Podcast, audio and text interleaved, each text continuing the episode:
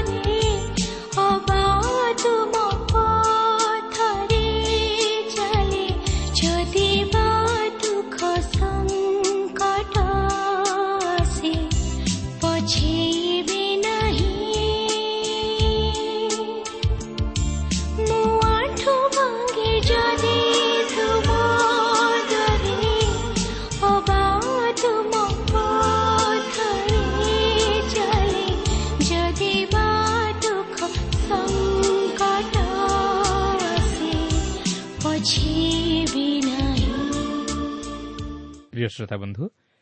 ଆଜିର ଏହି ଶୁଭ ଅବସରରେ ଆମମାନଙ୍କର ସୃଷ୍ଟିକର୍ତ୍ତା ତଥା ଉଦ୍ଧାରକର୍ତ୍ତା ପ୍ରଭୁ ଯୀଶୁଖ୍ରୀଷ୍ଟଙ୍କ ବହୁମୂଲ୍ୟ ନାମରେ ଶୁଭେଚ୍ଛା ଜଣାଏ। ଆଜିର ଏହି ପଥ ପ୍ରଦର୍ଶିକା କାର୍ଯ୍ୟକ୍ରମକୁ ଆପଣଙ୍କୁ ସ୍ୱାଗତ ଜଣାଏ। ଆପଣ ଆପଣଙ୍କର ବହୁମୂଲ୍ୟ ସମୟ ଦେଇ ଆଜିର ଏହି କାର୍ଯ୍ୟକ୍ରମ ଶୁଣିବା ନିମନ୍ତେ ରେଡିଓ ପାଖରେ ଅପେକ୍ଷା କରି ବସିଥିବାର ଜଣେ ଆମେ ବିଶେଷ ଖୁସି। ପ୍ରଭୁଙ୍କ ନାମକୁ ଧନ୍ୟବାଦ ଦେଉ ଯେ ଆପଣ ପ୍ରଭୁ ଯୀଶୁଙ୍କ ବିଷୟରେ ଜାଣିବା ନିମନ୍ତେ ବିଶେଷ ଆଗ୍ରହୀ। ହଁ ଏହା ଅତି ଉତ୍ତମ କଥା। ମାତ୍ର ପ୍ରଭୁ ଯୀଶୁଙ୍କ ବିଷୟରେ ଜାଣିବା ସହିତ ପ୍ରଭୁ ଯୀଶୁଙ୍କୁ ଜାଣିବା ହେଉଛି ସବୁଠାରୁ ଗୁରୁତ୍ୱପୂର୍ଣ୍ଣ ବିଷୟ। ତେଣୁ ପ୍ରଭୁ ଯୀଶୁଙ୍କୁ ଜାଣିବା ପାଇଁ ଚେଷ୍ଟା କରନ୍ତୁ ତାହେଲେ ଏହି କାର୍ଯ୍ୟକ୍ରମ ଶୁଣିବା ଆମ ପ୍ରତ୍ୟେକଙ୍କ ନିମନ୍ତେ ସାର୍ଥକ ହୋଇପାରିବ।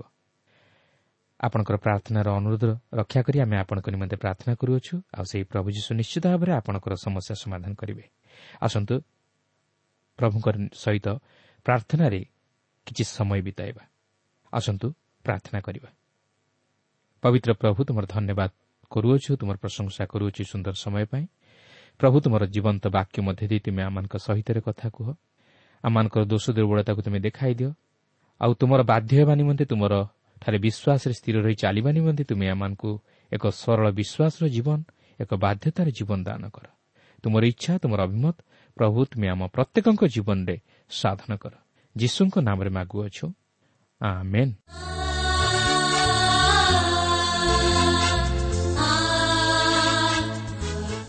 ଆସନ୍ତୁ ବର୍ତ୍ତମାନ ଆମେ ପ୍ରଭୁଙ୍କର ବାକ୍ୟ ମଧ୍ୟକୁ ଯିବା। ଆଜି ଆମେ ଦ୍ୱିତୀୟ ବିବରଣ ପୁସ୍ତକର ପ୍ରଥମ ପର୍ବର ଅଣଚାଳିଶ ପଦରୁ ଆରମ୍ଭ କରି ଦୁଇ ପର୍ବର ସଇଁତିରିଶ ପଦ ପର୍ଯ୍ୟନ୍ତ ଅଧ୍ୟୟନ କରିବା ନିମନ୍ତେ ଯିବା। ତେବେ ଦେଖନ୍ତୁ ଅଣଚାଳିଶ ପଦରେ ଏହିପରି ଲେଖା ଅଛି ଆହୁରି ତୁମମାନଙ୍କର ବାଳକମାନେ ଯେଉଁମାନେ ଲୁଟିତ ହେବେ ବୋଲି ତୁମମାନେ କହିଥିଲ ଓ ତୁମମାନଙ୍କର ସନ୍ତାନମାନେ ଯେଉଁମାନେ ଅଦ୍ୟାବଧି ଭଲ ମନ୍ଦର ଜ୍ଞାନ ପାଇନାହାନ୍ତି ସେମାନେ ସେହି ସ୍ଥାନରେ ପ୍ରବେଶ କରିବେ। ପୁଣି ଆମ୍ଭେ ସେମାନଙ୍କୁ ସେହି ଦେଶ ଦେବା ଓ ସେମାନେ ତାହା ଅଧିକାର କରିବେ। ଦେଖନ୍ତୁ ଏଠାରେ ସେମାନଙ୍କର ପିତୃପୁରୁଷମାନଙ୍କର ମନୋଭାବକୁ ପ୍ରକାଶ କରନ୍ତି। ସେମାନେ କିପରି ସେହି କିଣା ଦେଶକୁ ଯାଇ ତାହା ଅଧିକାର କରିବା ନିମନ୍ତେ ଏକ ବାହାନା କରିଥିଲେ? ସେମାନେ କହୁଥିଲେ ସେମାନଙ୍କର ବାଳକମାନେ ଲୁଟିତ ହେବେ ବୋଲି। କିନ୍ତୁ ବାସ୍ତବରେ କ'ଣ ତାହା ଯୁକ୍ତିଯୁକ୍ତ କାରଣ ଥିଲା? କେବେ ନୁହେଁ। କାରଣ ଈଶ୍ୱର ସେମାନଙ୍କର ସନ୍ତାନଗଣଙ୍କର ମଧ୍ୟ ଯତ୍ନ ନେଉଥିଲେ। କିନ୍ତୁ ସେମାନେ ଏପରି କହିବା ଦ୍ୱାରା ଈଶ୍ୱରଙ୍କୁ ଅପମାନିତ କରୁଥିଲେ। ଏହା ଥିଲା ସେମାନଙ୍କର ଏକ ବାହାନା। ସେଥିପାଇଁ ଗଣନା ଚଉଦ ପର୍ବର ଏକତିରିଶ ପଦରେ ଏହିପରି ଲେଖା ଅଛି ମାତ୍ର ତୁମେମାନେ ଆପଣା ଆପଣାର ଯେଉଁ ବାଳକଗଣ ବିଷୟରେ ସେମାନେ ଲୁଟିତ ହେବେ ବୋଲି କହିଥିଲ ସେମାନଙ୍କୁ ଆମ୍ଭେ ସେହି ସ୍ଥାନକୁ ଆଣିବା ଓ ତୁମେମାନେ ଯେଉଁ ଦେଶକୁ ତୁଚ୍ଛ ଜ୍ଞାନ କରିଅଛ ସେମାନେ ତହିଁର ପରିଚୟ ପାଇବେ। ଦେଖନ୍ତୁ ଏଠାରେ ଓଲଟା ଘଟିଲା। ସେମାନଙ୍କର ସନ୍ତାନମାନେ ସେହି ପ୍ରତିଜ୍ଞାତ କିଣା ଦେଶରେ ପ୍ରବେଶ କରିବା ନିମନ୍ତେ ସୁଯୋଗ ପାଇଲେ ମାତ୍ର ସେମାନେ ପ୍ରବେଶ କରିବା ନିମନ୍ତେ ସୁଯୋଗ ପାଇଲେ ନାହିଁ। କିନ୍ତୁ ସେହି ପ୍ରାନ୍ତରରେ ମଲେ। ତେଣୁକରି ସେହି ଗଣନା ଚଉଦ ପର୍ବର ଅଣତିରିଶ ପଦରେ ଆପଣ ଦେଖିବାକୁ ପାରିବେ ଈଶ୍ୱର ସ୍ପଷ୍ଟ ଭାବେ କହନ୍ତି ତୁମମାନଙ୍କର ଶବ ଏହି ପ୍ରାନ୍ତରରେ ପଡ଼ିବ ତୁମମାନଙ୍କ ମଧ୍ୟରେ କୋଡ଼ିଏ ବର୍ଷ ଓ ତହିଁରୁ ଅଧିକ ବର୍ଷ ବୟସ୍କ ଲୋକମାନଙ୍କର ସମ୍ପୂର୍ଣ୍ଣ ସଂଖ୍ୟାନୁସାରେ ଗଣିତ ଯେତେ ଲୋକ ତୁମେମାନେ ଆମ୍ଭ ବିରୁଦ୍ଧରେ ବଚସା କରିଅଛ। ତେଣୁକରି ଆପଣ ଦେଖିବେ ଯେ ସେହି ପ୍ରତିଜ୍ଞାତ କିଣା ଦେଶରେ ଯେଉଁ ଲୋକମାନେ ପ୍ରବେଶ କରିଥିଲେ ସେମାନେ ସେହି କାଦେଶ ବର୍ଣ୍ଣୟରେ କୋଡ଼ିଏ ବର୍ଷରୁ ନ୍ୟୁନ ଥିଲେ। ହୋଇପାରେ ଅନେକ ଶିଶୁ ମଧ୍ୟ ଥିଲେ ଓ ବାଳକ ଅବସ୍ଥାରେ ଥିଲେ। ତେବେ ଏଠାରେ ଏକ ଗୁରୁତ୍ୱପୂର୍ଣ୍ଣ ବିଷୟ ଲକ୍ଷ୍ୟ କରିବେ ଯେ ମନୁଷ୍ୟର ଏକ ଉତ୍ତରଦାୟିତ୍ୱ ଦେବାର ସମୟ ଥାଏ। ଈଶ୍ୱର ଏଠାରେ ଏକ ନିର୍ଦ୍ଧାରିତ ବୟସ ସୀମା ନିରୂପଣ କରି କହନ୍ତି କୋଡ଼ିଏ ବର୍ଷ ବୋଲି। କାରଣ ଯେଉଁମାନେ କୋଡ଼ିଏ ବର୍ଷରୁ ଉର୍ଦ୍ଧ୍ୱ ଥିଲେ ସେମାନେ ଈଶ୍ୱରଙ୍କ ଦ୍ୱାରା ବିଚାରିତ ହୋଇ ସେହି ପ୍ରାନ୍ତର ମଧ୍ୟରେ ମଲେ। ମାତ୍ର ଯେଉଁମାନେ ସେହି କାଦେଶ ବର୍ଣ୍ଣୟରେ କୋଡ଼ିଏ ବର୍ଷରୁ ନ୍ୟୁନ ଥିଲେ ସେମାନେ ବିଚାରିତ ନ ହୋଇ ସେହି ପ୍ରତିଜ୍ଞାତ କିଣା ଦେଶରେ ପ୍ରବେଶ କରିବା ପାଇଁ ସୁଯୋଗ ପାଇଥିଲେ। ତେବେ ମୁଁ ସେହି କୋଡ଼ିଏ ବର୍ଷକୁ ନେଇ କହୁନାହିଁ ଯେ ଜଣେ କେବଳ କୋଡ଼ିଏ ବର୍ଷରୁ ନ୍ୟୁନ ଥିଲେ ସେ ନିଜର ପାପ ନିମନ୍ତେ ବିଚାରିତ ହେବ ନାହିଁ ବା ଜଣେ କୋଡ଼ିଏ ବର୍ଷରୁ ଉର୍ଦ୍ଧ୍ୱ ଥିଲେ ନିଜର ପାପ ନିମନ୍ତେ ବିଚାରିତ ହେବ ବୋଲି। କିନ୍ତୁ ଏଠାରେ ଆମେ ମନୁଷ୍ୟ ନିଜର ପାପ ନିମନ୍ତେ ଉତ୍ତରଦାୟିତ୍ୱ ଦେବାର ଏକ ସମୟ ଥାଏ। ଯେଉଁ ସମୟରେ ତା'ର ଜ୍ଞାନର ପରିପକ୍ୱତା ବୃଦ୍ଧି ପାଏ ଓ ତାହାର ମାନସିକ ଚିନ୍ତାଧାରାରେ ଭୁଲ ଓ ଠିକ୍ର ବା ଭଲ ମନ୍ଦର ବୋଧଶକ୍ତି ବା ପାପ ଓ ପୁଣ୍ୟର ବୋଧଶକ୍ତି ଏକ ପରିପକ୍ୱ ଅବସ୍ଥାରେ ପରିଣତ ହୋଇଥାଏ। ଏହା କୋଡ଼ିଏ ବର୍ଷ ପୂର୍ବରୁ ଘଟିପାରେ ବା କୋଡ଼ିଏ ବର୍ଷ ପରେ ମଧ୍ୟ ଘଟିପାରେ। କିନ୍ତୁ ମୋର କହିବାର କଥା ଯେ ଯେଉଁ ସମୟରେ ଆମେ ନିଜର ପାପ ଓ ପୁଣ୍ୟ ବିଷୟରେ ବୋଧ ପାଉ ସେହି ସମୟରୁ ଆମେ ନିଜର ପାପ ନିମନ୍ତେ ଉତ୍ତରଦାୟୀ ହେଉ। କିନ୍ତୁ ଏହାର ବିଚାର ଈଶ୍ୱରଙ୍କ ଉପରେ ନିର୍ଭର କରେ। କିନ୍ତୁ ଏଠାରେ ଆମେ ଏକ ମହତ୍ୱପୂର୍ଣ୍ଣ ବିଷୟ ଲକ୍ଷ୍ୟ କରୁଅଛୁ ଯେ ଯେଉଁ ପିଲାମାନେ ଶିଶୁ ଅବସ୍ଥାରୁ ମୃତ୍ୟୁବରଣ କରନ୍ତି ଓ ବାଳକ ଥିବା ଅବସ୍ଥାରେ ମୃତ୍ୟୁବରଣ କରନ୍ତି ସେମାନଙ୍କର ପାପ କ୍ଷମଣୀୟ ହୁଏ। ସେମାନେ ନିଜର ପାପ ନିମନ୍ତେ ବିଚାରିତ ହେବେ ନାହିଁ। କିନ୍ତୁ ଏହି ଇସ୍ରାଏଲ୍ର ପିତୃପୁରୁଷମାନଙ୍କ ଜୀବନରେ ଆମେ ଦେଖୁ ଯେ ସେମାନେ ନିଜର ପିଲାମାନଙ୍କ ବିଷୟ ବିବେଚନା କରି ବୃଥାରେ ଈଶ୍ୱରଙ୍କୁ ଦୋଷାରୋପ କରିଥିଲେ ଓ ଈଶ୍ୱରଙ୍କୁ ଅପମାନିତ କରିଥିଲେ। ସତେ ଯେପରି ଈଶ୍ୱର ସେମାନଙ୍କ ପିଲାମାନଙ୍କର ଯତ୍ନ ନେଉନାହାନ୍ତି ବା ସେମାନଙ୍କ ପ୍ରତି ଦୃଷ୍ଟି ଦେଉନାହାନ୍ତି। ମାତ୍ର ଈଶ୍ୱର ଯେ ସେମାନଙ୍କର ସନ୍ତାନମାନଙ୍କର ଯତ୍ନ ନେଉଛନ୍ତି ତାହା ସେମାନଙ୍କୁ ଏହି ପ୍ରକାର ଜଣାଇ ଦିଅନ୍ତି। ତେଣୁ ସେ କହନ୍ତି ତୁମେମାନେ ସେହି ଦେଶରେ ପ୍ରବେଶ କରିପାରିବ ନାହିଁ। ମାତ୍ର ତୁମ୍ଭର ଯେଉଁ ବାଳକମାନେ ଲୁଟିତ ହେବେ ବୋଲି ତୁମେ କହୁଅଛ ସେମାନେ ସେହି ଦେଶରେ ପ୍ରବେଶ କରି ତାହା ଅଧିକାର କରିବେ। ବର୍ତ୍ତମାନ ଆପଣ ଦେଖିବେ ଯେ ଏହି ନୂତନ ବଂଶଧର ସେହି କିଣା ଦେଶର ସୀମାରେଖା ମଧ୍ୟରେ ଅଛନ୍ତି ଓ ସେମାନେ ଆଉ ଗୋଟିଏ ମାସ ପରେ ସେହି କିଣା ଦେଶରେ ପ୍ରବେଶ କରିବେ। ଆଉ ଏହି ସମସ୍ତ ପିତୃପୁରୁଷଙ୍କର ବିଫଳତା ସମ୍ପର୍କରେ ଏହି ନୂତନ ବଂଶଧରଙ୍କ ନିକଟରେ ମୂଷା ପ୍ରକାଶ କରି କହନ୍ତି ଯେପରି ସେମାନେ ସେଥିପ୍ରତି ସତର୍କ ରୁହନ୍ତି। ବାସ୍ତବରେ ପ୍ରିୟ ବନ୍ଧୁ ଅନେକ ସମୟରେ ଆମେ ଈଶ୍ୱରଙ୍କ ନିକଟରେ ଅନେକ କିଛି ବାହାନା କରି ନିଜର ଦୁର୍ବଳତାକୁ ପ୍ରକାଶ କରି ବିଭିନ୍ନ ପ୍ରକାର କଥା କହୁ। କିନ୍ତୁ ଈଶ୍ୱରଙ୍କ ନିକଟରେ ବିଶ୍ୱାସ କରିପାରୁନା। ଆମେ ନିଜର ସନ୍ତାନମାନଙ୍କ ବିଷୟରେ ମଧ୍ୟ ବହୁତ ଚିନ୍ତିତ ହୋଇପଡ଼ୁ ଓ ଈଶ୍ୱରଙ୍କୁ ପଛରେ ପକାଇ ଦେଉ। ଏପରିକି ଆମେ ନିଜର ପରିବାରକୁ ପ୍ରଥମ ସ୍ଥାନ ଦେଇ ଈଶ୍ୱରଙ୍କୁ ପଛରେ ପକାଇ ଦେଉ। ଆମେ ଭାବୁ ଯେ ସତେ ଯେପରି ଈଶ୍ୱର ଆମମାନଙ୍କ ବିଷୟରେ ଯତ୍ନ ନିଅନ୍ତି ନାହିଁ ଓ ଆମମାନଙ୍କର ଭାର ବହନ କରନ୍ତି ନାହିଁ। କିନ୍ତୁ ତାହା ଭାବିବା ଭୁଲ। କାରଣ ଆମେ ଆମ ନିଜ ବିଷୟରେ ବା ନିଜର ପରିବାର ତଥା ପିଲାମାନଙ୍କ ବିଷୟରେ ଚିନ୍ତିତ ହୋଇ କିଛି କରିପାରିବା ନାହିଁ। ଯେପର୍ଯ୍ୟନ୍ତ ଈଶ୍ୱର ଆମମାନଙ୍କର ଭାର ନ ନେଇଛନ୍ତି। ସେଥିପାଇଁ ପ୍ରଭୁ ଯୀଶୁ କହନ୍ତି ମୁଁ ତୁମମାନଙ୍କୁ ସତ୍ୟ କହୁଅଛି ଯେଉଁ ଲୋକ ଈଶ୍ୱରଙ୍କ ରାଜ୍ୟ ନିମନ୍ତେ ଗୃହ କି ଭାର୍ଯ୍ୟା କି ଭ୍ରାତା କି ପିତାମାତା କି ସନ୍ତାନ ସନ୍ତତି ପରିତ୍ୟାଗ କରି ଇହ କାଳରେ ବହୁଗୁଣ ଓ ପରକାଳରେ ଅନନ୍ତ ଜୀବନ ନ ପାଇବ ଏପରି ଲୋକ କେହି ନାହିଁ। ତେବେ ଏଠାରେ ପ୍ରଭୁ ଯୀଶୁ କୁହନ୍ତି ନାହିଁ ଆମେ ସମସ୍ତଙ୍କୁ ଛାଡ଼ି ଏକ ସନ୍ନ୍ୟାସୀ ବନିଯାଉ ବା ପ୍ରଭୁ ଯୀଶୁଙ୍କର ଅନୁଗମନ କରୁ। ମାତ୍ର ସେ କହିବାକୁ ଚାହାନ୍ତି ଯେ ଯେ କେହି ତାହାଙ୍କୁ ପ୍ରଥମ ସ୍ଥାନ ଦିଏ ଓ ତାହାଙ୍କ ରାଜ୍ୟ ନିମନ୍ତେ ଚିନ୍ତା କରେ ସେ କେବେ ହେଲେ ଇହ କାଳରେ ବା ପରକାଳରେ ସେହି ସ୍ୱର୍ଗୀୟ ତଥା ଆତ୍ମିକ ଆଶୀର୍ବାଦରୁ ବଞ୍ଚିତ ହେବ ନାହିଁ। ତେଣୁ ପ୍ରିୟ ବନ୍ଧୁ ଈଶ୍ୱର ଆଜି ଆମମାନଙ୍କୁ ତାଙ୍କର ପ୍ରିୟ ପୁତ୍ରଙ୍କୁ ଦେଇଅଛନ୍ତି ଯାହାଙ୍କଠାରେ ବିଶ୍ୱାସ କରି ଓ ଯାହାଙ୍କୁ ଆମ ଜୀବନରେ ପ୍ରଥମ ସ୍ଥାନ ଦେଇ ଯଦି ଆମେ ଏହି ଜଗତରେ ଜୀବନଯାପନ କରୁ ତାହେଲେ ଆମେ ଈଶ୍ୱରଙ୍କର ସନ୍ତାନ ରୂପେ ଗଣିତ ହୋଇ ଈଶ୍ୱରଙ୍କର ଆଶୀର୍ବାଦର ଅଧିକାରୀ ହୋଇପାରିବା। ସେଥିପାଇଁ ପ୍ରଭୁ ଯୀଶୁ କହନ୍ତି ମୁଁ ପଥ ସତ୍ୟ ଓ ଜୀବନ। ମୋ ଦେଇ ନଗଲେ କେହି ପିତା ଈଶ୍ୱରଙ୍କ ନିକଟକୁ ଯାଇପାରେ ନାହିଁ। ପ୍ରିୟ ବନ୍ଧୁ ଆଜି ଯଦି ପ୍ରଭୁ ଯୀଶୁଙ୍କର ନିକଟବର୍ତ୍ତୀ ହେବାରେ ବା ତାହାଙ୍କର ଆଦେଶକୁ ପାଳନ କରିବାରେ ଆପଣଙ୍କର ସମ୍ମୁଖରେ ଯଦି ନିଜର ସନ୍ତାନ ସନ୍ତତି ବା ନିଜର ପରିବାର ବା ନିଜର ଧନ ସମ୍ପତ୍ତି ପ୍ରତିବନ୍ଧକ ସୃଷ୍ଟି କରୁଥାଏ ତାହେଲେ ଜାଣି ରଖନ୍ତୁ ଏହି ସମସ୍ତ ଶୟତାନର ବାହାନା ଯେପରି ସେ ଆପଣଙ୍କୁ ସେହି ବିଶ୍ୱାସରୁ ପତିତ କରାଇବାକୁ ପାରେ। କିନ୍ତୁ ଆପଣ ଜାଣି ରଖନ୍ତୁ ଆପଣଙ୍କ ସନ୍ତାନ ସନ୍ତତି ତଥା ପରିବାର ନିମନ୍ତେ ଜଣେ ଚିନ୍ତା କରୁଅଛନ୍ତି ସେ ଆପଣଙ୍କର ସମସ୍ତ ଭାର ବହନ କରିବେ।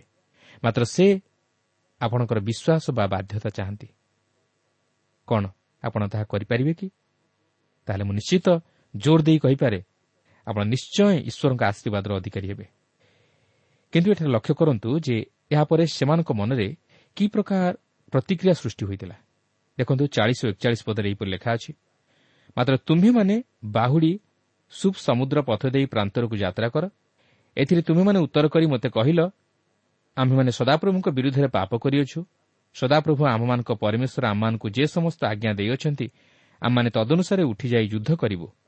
ପୁଣି ତୁମେମାନେ ପ୍ରତ୍ୟେକ ଜଣ ଆପଣା ଆପଣା ଯୁଦ୍ଧାସ୍ତ୍ର ବାନ୍ଧି ପର୍ବତ ଆରୋହଣ କରିବାକୁ ବ୍ୟଗ୍ର ହେଲ।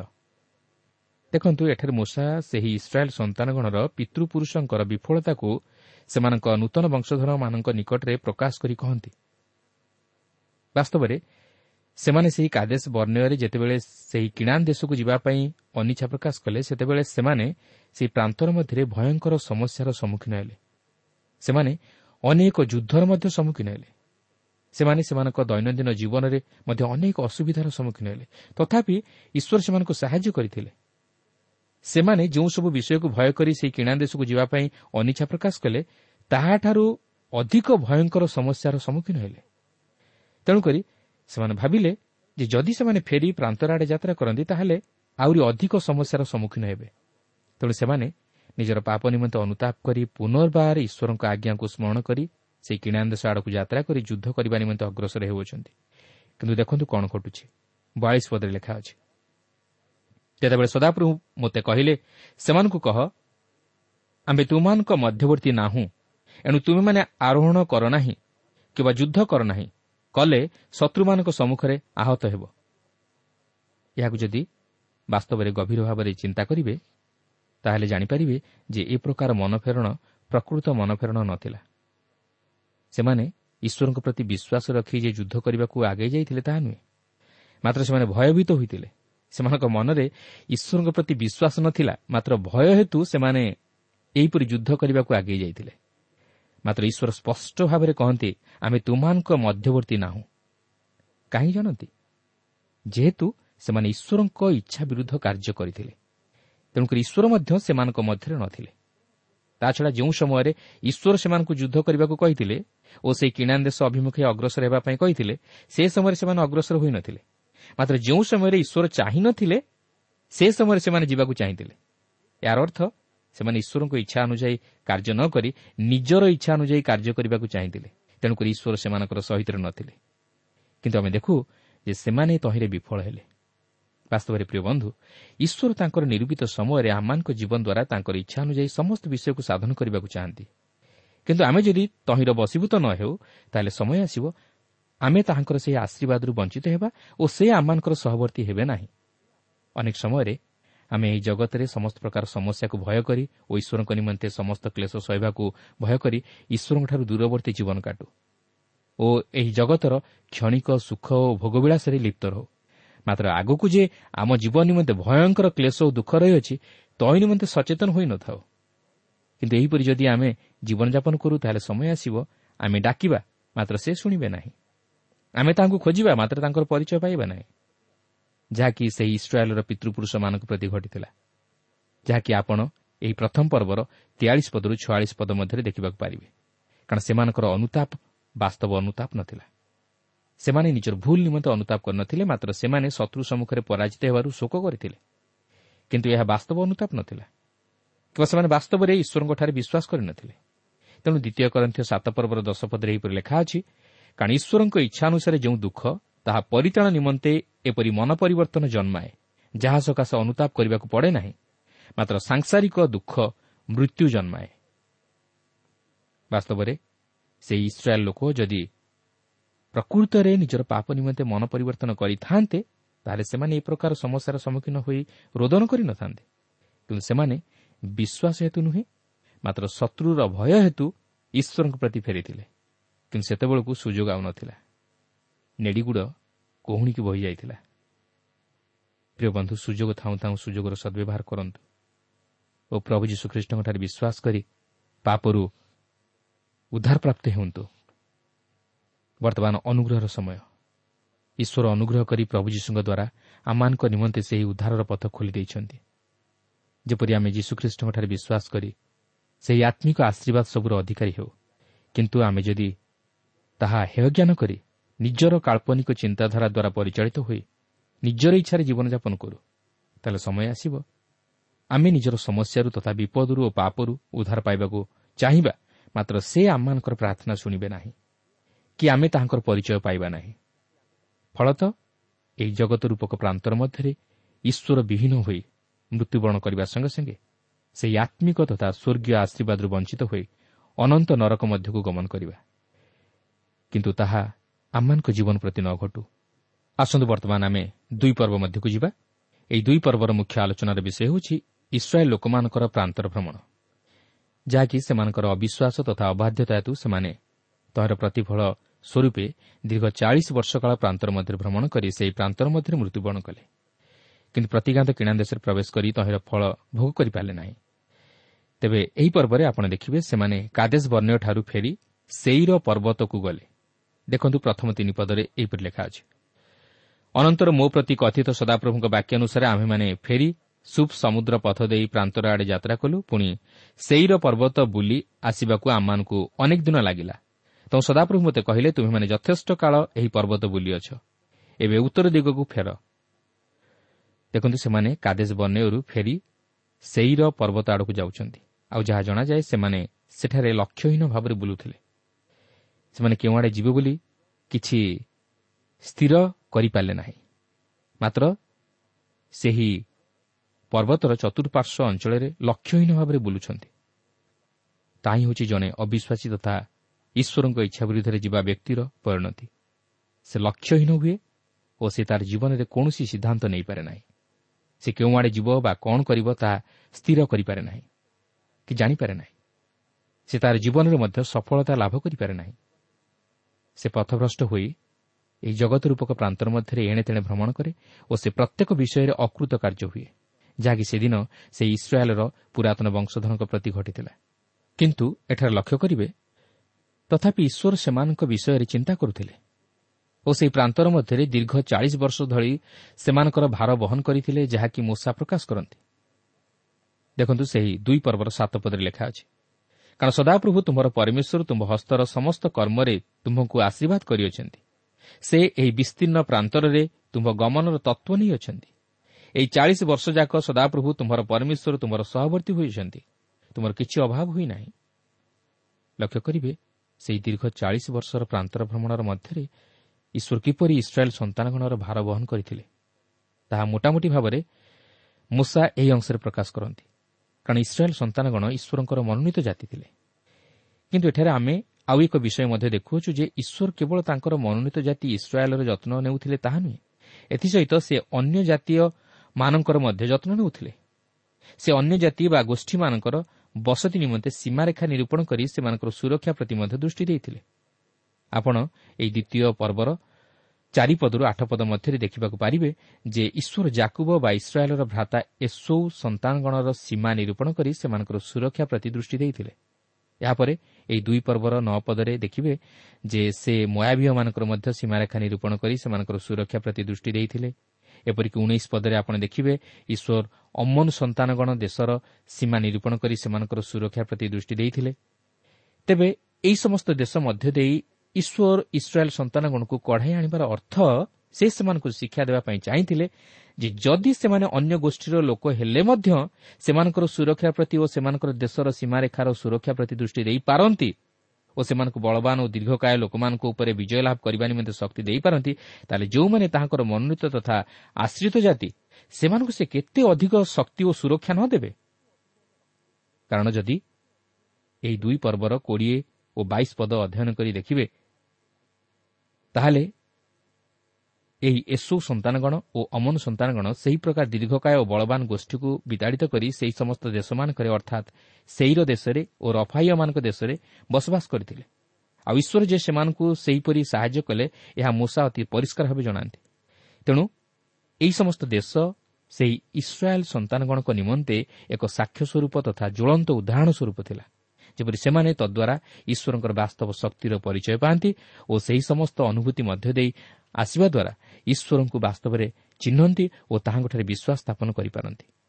ତେଣୁ ଦୀର୍ଘ ଅଠତିରିଶ ବର୍ଷ କାଳ ପ୍ରାନ୍ତର ଭ୍ରମଣରେ ଏହି ଇସ୍ରାଏଲ୍ ଲୋକମାନେ ଭୟଙ୍କର ସମସ୍ୟା ମଧ୍ୟ ଦେଇ ଗତି କରିଥିଲେ ଓ ତହିଁ ସଙ୍ଗେ ସଙ୍ଗେ ସେହି ସମସ୍ତ ଘଟଣା ତଥା ଉତ୍ଥାନ ଓ ପତନ ମଧ୍ୟ ଦେଇ ଜୀବନ ବିତାଇଥିଲେ। ସେହି ପ୍ରାନ୍ତରର ଅନୁଭୂତି ସେମାନଙ୍କ ନିମନ୍ତେ ଅତି ତିକ୍ତତାର ଅନୁଭୂତି ଥିଲା। ଓ ସେମାନେ ଅନେକ ସମସ୍ୟାର ମଧ୍ୟ ସମ୍ମୁଖୀନ ହୋଇଥିଲେ। କିନ୍ତୁ ତଥାପି ଈଶ୍ୱର ସେମାନଙ୍କ ପ୍ରତି ଦୃଷ୍ଟି ରଖିଥିଲେ ଓ ସେମାନଙ୍କର ଭାର ବହନ କରିଥିଲେ। ମାତ୍ର ସେମାନେ ନିଜର ଅବିଶ୍ୱାସ ତଥା ଅବାଧ୍ୟତାର ଜୀବନ ଲାଗି ଈଶ୍ୱରଙ୍କ ଦ୍ୱାରା ବିଚାରିତ ହୋଇ ସେହି ପ୍ରାନ୍ତର ମଧ୍ୟରେ ଭ୍ରମଣ କରି ସେହି ପ୍ରାନ୍ତର ମଧ୍ୟରେ ହିଁ ମଲେ। କିନ୍ତୁ ଆପଣ ଦେଖିବେ ଯେ ସେହି ପୁରୁଷର ସମସ୍ତ ଯୋଦ୍ଧା ଇସ୍ରାଏଲ୍ ମଧ୍ୟରୁ ଉଚ୍ଛିନ୍ନ ହେବା ପରେ ଅର୍ଥାତ୍ ସେହି ଅଠତିରିଶ ବର୍ଷର ପ୍ରାନ୍ତର ଭ୍ରମଣ ସମୟରେ ସମସ୍ତ ଯୋଦ୍ଧା ମୃତ୍ୟୁବରଣ କରିବା ପରେ ପୁନର୍ବାର ସେମାନଙ୍କ ଜୀବନରେ ସଫଳତା ଦେଖାଦେଲା। କାରଣ ଈଶ୍ୱରଙ୍କର ଶପଥ ଅନୁସାରେ ସେହି ପିତୃପୁରୁଷମାନଙ୍କର ବିନାଶ ଘଟିବାକୁ ଥିଲା ଯାହାକି ଆପଣ ଏହି ଦୁଇ ପର୍ବର ଚଉଦ ଓ ପନ୍ଦର ପଦରେ ଲକ୍ଷ୍ୟ କରିବାକୁ ପାରିବେ। କିନ୍ତୁ ଆପଣ ଦେଖିବେ ଏହି ସମସ୍ତ ଯୋଦ୍ଧା ମରି ଲୋକମାନଙ୍କ ମଧ୍ୟରୁ ଉଚ୍ଛିନ୍ନ ହେଲା ଉତ୍ତାରେ ଈଶ୍ୱର ସେମାନଙ୍କୁ ଜୟ ପ୍ରଦାନ କରୁଅଛନ୍ତି ଓ ସେମାନେ ଶତ୍ରୁମାନଙ୍କ ଉପରେ ବିଜୟ ଲାଭ କରି ଦେଶ ପରେ ଦେଶ ଅଧିକାର କରିବାକୁ ଯାଉଅଛନ୍ତି। କାରଣ ଈଶ୍ୱରଙ୍କ ବାକ୍ୟ ପବିତ୍ର ବାଇବଲ କହେ ଧାର୍ମିକ ସାତଥର ପଡ଼ିଲେ ହିଁ ସେ ଉଠିବ। ତେଣୁ ଏହି ଦୁଇ ପର୍ବର ଚବିଶ ଓ ପଚିଶ ପଦରେ ଲେଖା ଅଛି ତୁମେମାନେ ଉଠ ଓ ଯାତ୍ରା କରି ଅନୋନ୍ ଉପତ୍ୟକା ପାର ହୁଅ। ଦେଖ ଆମ୍ଭେ ହିସ୍ବୋନ୍ର ରାଜା ଇମୋରିୟ ସିହୋନ୍କୁ ଓ ତାହାର ଦେଶକୁ ତୁମ୍ଭ ହସ୍ତରେ ସମର୍ପଣ କଲୁ। ତାହା ଅଧିକାର କରିବାକୁ ଆରମ୍ଭ କର ଓ ତାହା ସଙ୍ଗେ ଯୁଦ୍ଧ ଲଗାଅ। ଅଦ୍ୟାବଧି ଆମ୍ଭେ ସମସ୍ତ ଆକାଶମଣ୍ଡଳର ଅଧସ୍ଥିତ ଲୋକମାନଙ୍କ ମନରେ ତୁମ୍ଭ ବିଷୟକ ଆଶଙ୍କା ଓ ଭୟ ଜନ୍ମାଇବାକୁ ଆରମ୍ଭ କରିବା। ସେମାନେ ତୁମ୍ଭ ବିଷୟର ସମ୍ବାଦ ଶୁଣିଲେ ତୁମ୍ଭ ସକାଶୁ କମ୍ପିତ ଓ ବ୍ୟଥିତ ହେବେ। ଦେଖନ୍ତୁ ଈଶ୍ୱର କିପରି ସେହି ଚାଳିଶ ବର୍ଷ ସମାପ୍ତ ହୋଇ ଆସିବା ସମୟରେ ସେମାନଙ୍କୁ ବିଜୟ ଲାଭ କରିବା ନିମନ୍ତେ ଶକ୍ତି ଦେଉଛନ୍ତି। ଏମାନେ ବିଶେଷତଃ ସେହି ନୂତନ ବଂଶଧର ଯେଉଁମାନେ କି ସେହି କିଣା ଦେଶ ଅଧିକାର କରିବାକୁ ଯିବେ। ଆପଣ ଦେଖନ୍ତୁ ଇସ୍ରାଏଲ୍ ସନ୍ତାନଗଣ ସେହି ମହାବୀୟ ଓ ଅମୂନ୍ୟ ଦେଶମାନଙ୍କ ମଧ୍ୟ ଦେଇ ଯାଉଅଛନ୍ତି। ମାତ୍ର ସେମାନଙ୍କ ଦେଶ ଅଧିକାର କରୁନାହାନ୍ତି କାରଣ ସେମାନେ ଏହି ଇସ୍ରାଏଲ୍ ସନ୍ତାନଗଣକୁ ଖାଦ୍ୟ ଓ ଜଳ ବିକ୍ରି କରିଥିଲେ କିନ୍ତୁ ମୂଷା କହନ୍ତି ଯେ ସେମାନେ ଯେତେବେଳେ ହିଜବନ୍ର ରାଜା ସିହୋନ୍ର ଦେଶ ମଧ୍ୟ ଦେଇ ଗମନ କରୁଅଛନ୍ତି ସେତେବେଳେ ସେମାନେ ସେମାନଙ୍କ ବିରୁଦ୍ଧରେ ଯୁଦ୍ଧ କରି ସେମାନଙ୍କୁ ପରାଜିତ କରୁଅଛନ୍ତି ଓ ସେମାନଙ୍କର ଦେଶକୁ ଅଧିକାର କରୁଅଛନ୍ତି ଏଠାରେ ଈଶ୍ୱର ଏହି ଇସ୍ରାଏଲ୍ ସନ୍ତାନଗଣକୁ ବିଜୟ ଲାଭ କରିବା ନିମନ୍ତେ ଶକ୍ତି ଦେଉଛନ୍ତି କାରଣ ସେ ଇସ୍ରାଏଲ୍ ପ୍ରତି ଯେଉଁ ପ୍ରତିଜ୍ଞା କରିଥିଲେ ସେହି ପ୍ରତିଜ୍ଞାକୁ ସଫଳ କରିବାକୁ ଯାଉଅଛନ୍ତି। ତେବେ ଆପଣ ଲକ୍ଷ୍ୟ କରିବେ ଯେ ଏହି ଦୁଇ ପର୍ବର ଛବିଶରୁ ସଇଁତିରିଶ ପଦ ମଧ୍ୟରେ ଲେଖା ଅଛି ଯେତେବେଳେ ହିଜବୋନ୍ର ରାଜା ଇମୋରିଓ ସିହୋନ୍ ଇସ୍ରାଏଲ୍ ଲୋକମାନଙ୍କୁ ଅନ୍ନ ଜଳ ଦେବା ପାଇଁ ବାରଣ କଲା ଓ ତାହାର ଦେଶ ମଧ୍ୟ ଦେଇ ଇସ୍ରାଏଲ୍ ଲୋକମାନଙ୍କୁ ଯିବାକୁ ଦେଲା ନାହିଁ ସେତେବେଳେ ଇସ୍ରାଏଲ୍ ସନ୍ତାନଗଣ ସେମାନଙ୍କ ସହିତ ଯୁଦ୍ଧ କରି ସେମାନଙ୍କୁ ପରାସ୍ତ କଲେ ଓ ସେମାନଙ୍କ ଦେଶ ମଧ୍ୟ ଅଧିକାର କଲେ। କାରଣ ଏହି ସମୟରେ ଈଶ୍ୱର ସେମାନଙ୍କ ସପକ୍ଷରେ ରହି ଯୁଦ୍ଧ କରି ସେମାନଙ୍କୁ ଇମୋରିଓମାନଙ୍କ ଉପରେ ଜୟ ପ୍ରଦାନ କଲେ। କାରଣ ଈଶ୍ୱର ତାହାଙ୍କର ଲୋକମାନଙ୍କୁ ବିନାଶରୁ ରକ୍ଷା କରନ୍ତି। ଆପଣ ଦେଖନ୍ତୁ ଏହି ଯେଉଁ ଦେଶକୁ ଅଧିକାର କରିବାକୁ ଈଶ୍ୱର ଇସ୍ରାଏଲ୍ ସନ୍ତାନଗଣକୁ ସାହାଯ୍ୟ କଲେ ଏହି ଦେଶ ପୂର୍ବେ ମୟାବୀୟମାନଙ୍କ ଅଧିକାର ମଧ୍ୟରେ ଥିଲା। ମାତ୍ର ଇମୋରିଓମାନେ ରାଜା ସିହୋନ୍ଙ୍କର ନେତୃତ୍ୱରେ ଏହି ମୟାବୀୟମାନଙ୍କୁ ପରାସ୍ତ କରି ସେମାନଙ୍କୁ ହଟେଇ ନିଜେ ଅଧିକାର କରି ବାସ କଲେ। ଆଉ ଏହା ମଧ୍ୟ ଈଶ୍ୱର ସେହିପରି ଘଟାଇଥିଲେ କିନ୍ତୁ ଯେତେବେଳେ ଏହି ରାଜା ସିହୋନ୍ ଇସ୍ରାଏଲ୍ ସନ୍ତାନଗଣଙ୍କ ବିରୁଦ୍ଧରେ ଯୁଦ୍ଧ କରିବାକୁ ଉଠିଲା ସେତେବେଳେ ସେ ମଲା ଓ ତାର ସମସ୍ତ ଯୋଦ୍ଧାମାନେ ଛିନ୍ନ ଭିନ୍ନ ହୋଇଗଲେ। ତାର ସମସ୍ତ ଅଧିକାର ଓ କ୍ଷମତା ଚାଲିଗଲା ଓ ତାହାର ରାଜ୍ୟ ଇସ୍ରାଏଲ୍ ସନ୍ତାନଗଣ ଅଧିକାର କଲେ। ଏହା ମଧ୍ୟ ଇସ୍ରାଏଲ୍ ଲୋକମାନଙ୍କ ନିମନ୍ତେ ଏକ ଉତ୍ସାହଜନକ ବିଷୟ ଥିଲା ଯେ ବାସ୍ତବରେ ଈଶ୍ୱର ସେମାନଙ୍କ ନିମନ୍ତେ କ'ଣ ନ କରିଥିଲେ। ଏହାଦ୍ୱାରା ଈଶ୍ୱର ସେମାନଙ୍କୁ ଜଣାଇ ଦେଇଥିଲେ ଯେ ସେ ସେମାନଙ୍କର ସହିତ ଅଛନ୍ତି ଓ ସେ ସେମାନଙ୍କ ପ୍ରତି ତାଙ୍କର ଯେଉଁ ପ୍ରତିଜ୍ଞା କରିଅଛନ୍ତି ତାହା ମଧ୍ୟ ସେ ସଫଳ କରିବାକୁ ଯାଉଅଛନ୍ତି। ଏହି ବିଷୟ ମୂଷା ଏଠାରେ ଏହି ନୂତନ ବଂଶଧରକୁ ତାହା ମଧ୍ୟ ସ୍ମରଣ କରାଇ ଦିଅନ୍ତି ଯେପରି ସେମାନେ ନିରୁତ୍ସାହିତ ନ ହୋଇ ଉତ୍ସାହ ପ୍ରାପ୍ତ ହୁଅନ୍ତି ଓ ତାହାଙ୍କଠାରେ ବିଶ୍ୱାସ କରନ୍ତି। ପ୍ରିୟ ବନ୍ଧୁ ଆପଣ ହୁଏତ କହିପାରନ୍ତି ଆମେ ତ ଇସ୍ରାଏଲ୍ ଜାତି ନୁହଁ ତାହେଲେ ଏହି ବାକ୍ୟ ଆଜି ଆମମାନଙ୍କ ଜୀବନ ନିମନ୍ତେ କିପରି ପ୍ରଯୁଜ୍ୟ? କିନ୍ତୁ ବନ୍ଧୁ ଈଶ୍ୱର କେବଳ ଇସ୍ରାଏଲ୍ ଜାତିର ଈଶ୍ୱର ନୁହନ୍ତି ମାତ୍ର ସେ ସମଗ୍ର ଜଗତର ଈଶ୍ୱର। ସେ ସେଦିନ କେବଳ ଇସ୍ରାଏଲ୍ ଜାତି ପ୍ରତି ଦୃଷ୍ଟି ରଖିନଥିଲେ ତହିଁ ସଙ୍ଗେ ସଙ୍ଗେ ଅନ୍ୟାନ୍ୟ ଜାତିମାନଙ୍କ ଉପରେ ଓ ସେମାନଙ୍କର ବସତି ନଗର ଉପରେ ମଧ୍ୟ ଦୃଷ୍ଟି ରଖିଥିଲେ। ସେ ସେମାନଙ୍କର ନିବାସ ସ୍ଥାନ ନିରୂପଣ କରିଥିଲେ ଓ ସେମାନଙ୍କର ଦେଶର ସୀମା ମଧ୍ୟ ସ୍ଥିର କରିଥିଲେ। କିନ୍ତୁ ସେ ଇସ୍ରାଏଲ୍ ଜାତି ପ୍ରତି ଏକ ବିଶେଷ ଅନୁଗ୍ରହ ପ୍ରଦାନ କରିଥିଲେ।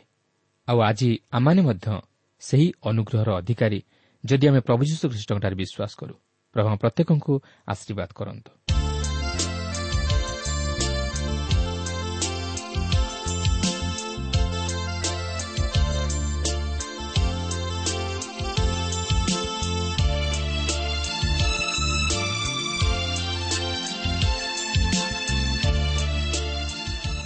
প্রিয় শ্রোতা এই কার্যক্রম শুণিবার আপনার অশেষ ধন্যবাদ এই কার্যক্রম আপনার কিপর লাগিলা ও কেউ বিষয়টি আপনার হৃদয়কে অধিক স্পর্শ করেছে তাহা লেখি জনাইলে আমি বিশেষ উপকৃত হব যদি কিছু প্রশ্ন বা সন্দেহ থাকে তাহা পত্র মাধ্যমে অথবা টেলিফোন যোগে আমাকে জনাতু আমার ঠিকনা পথ প্রদর্শিকা Trans World Radio India post box number তিন তিন ভুবনেশ্বর সাত পাঁচ এক শূন্য শূন্য এক mobile number nine seven double seven double two one four one five ঠিকଣାটি আউଥରେ ଶୁଣନ୍ତୁ ପଥ ପ୍ରଦର୍ଶିକା Trans World Radio India post box number three three Bhubaneswar seven five one zero zero one mobile number nine seven double seven double two one four one five ଆମର email ଆଡ୍ରେସ୍ଟି ଲେଖି ରଖନ୍ତୁ Odia TV at radio eight eight two